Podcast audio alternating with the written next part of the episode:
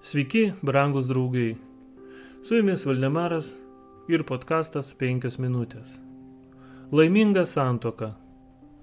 Izaokas buvo didžiai Dievo pagerbtas, tapdamas paveldėtojų pažadų, per kuriuos turėjo būti palaimintas visas pasaulis. Ir vis dėlto, būdamas 40, jis pakluso tėvo sprendimui pavesti savo patyrusiam ir Dievo bijančiam tarnui išrinkti jam žmoną.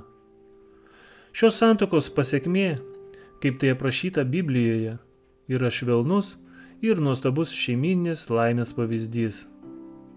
Izaokas tuomet nusivedė ją į savo motinos Saros palapinę, vedė Rebeką ir ji tapo jo žmona. Izaokas mylėjo ją ir rado pagodos po savo motinos mirties. Pradžios 24 skyrius 67 eilutė. Koks kontrastas yra tarp to kelio, kurio ėjo Izaokas ir to, kurį renkasi šios dienos jaunimas ir netgi krikščionis.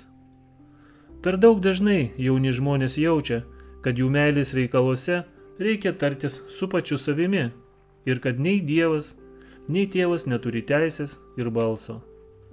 Dar ilgai prieš jiems subręstant jie mano, patys esą sugebantis daryti sprendimus be jų tėvų pagalbos.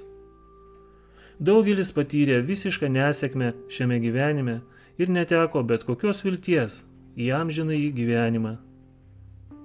Jei egzistuoja dalykų, reikalaujančių atidaus dėmesio ir kuriuos sprendžiant turėtų būti ieškoma labiau patyrusių ir vyresnių žmonių patarimo, tai toks yra santokos klausimas.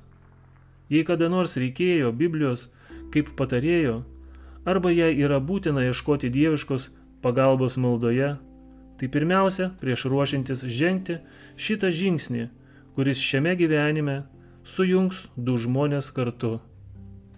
Su jumis buvo Valdemaras ir podkastas 5 minutės.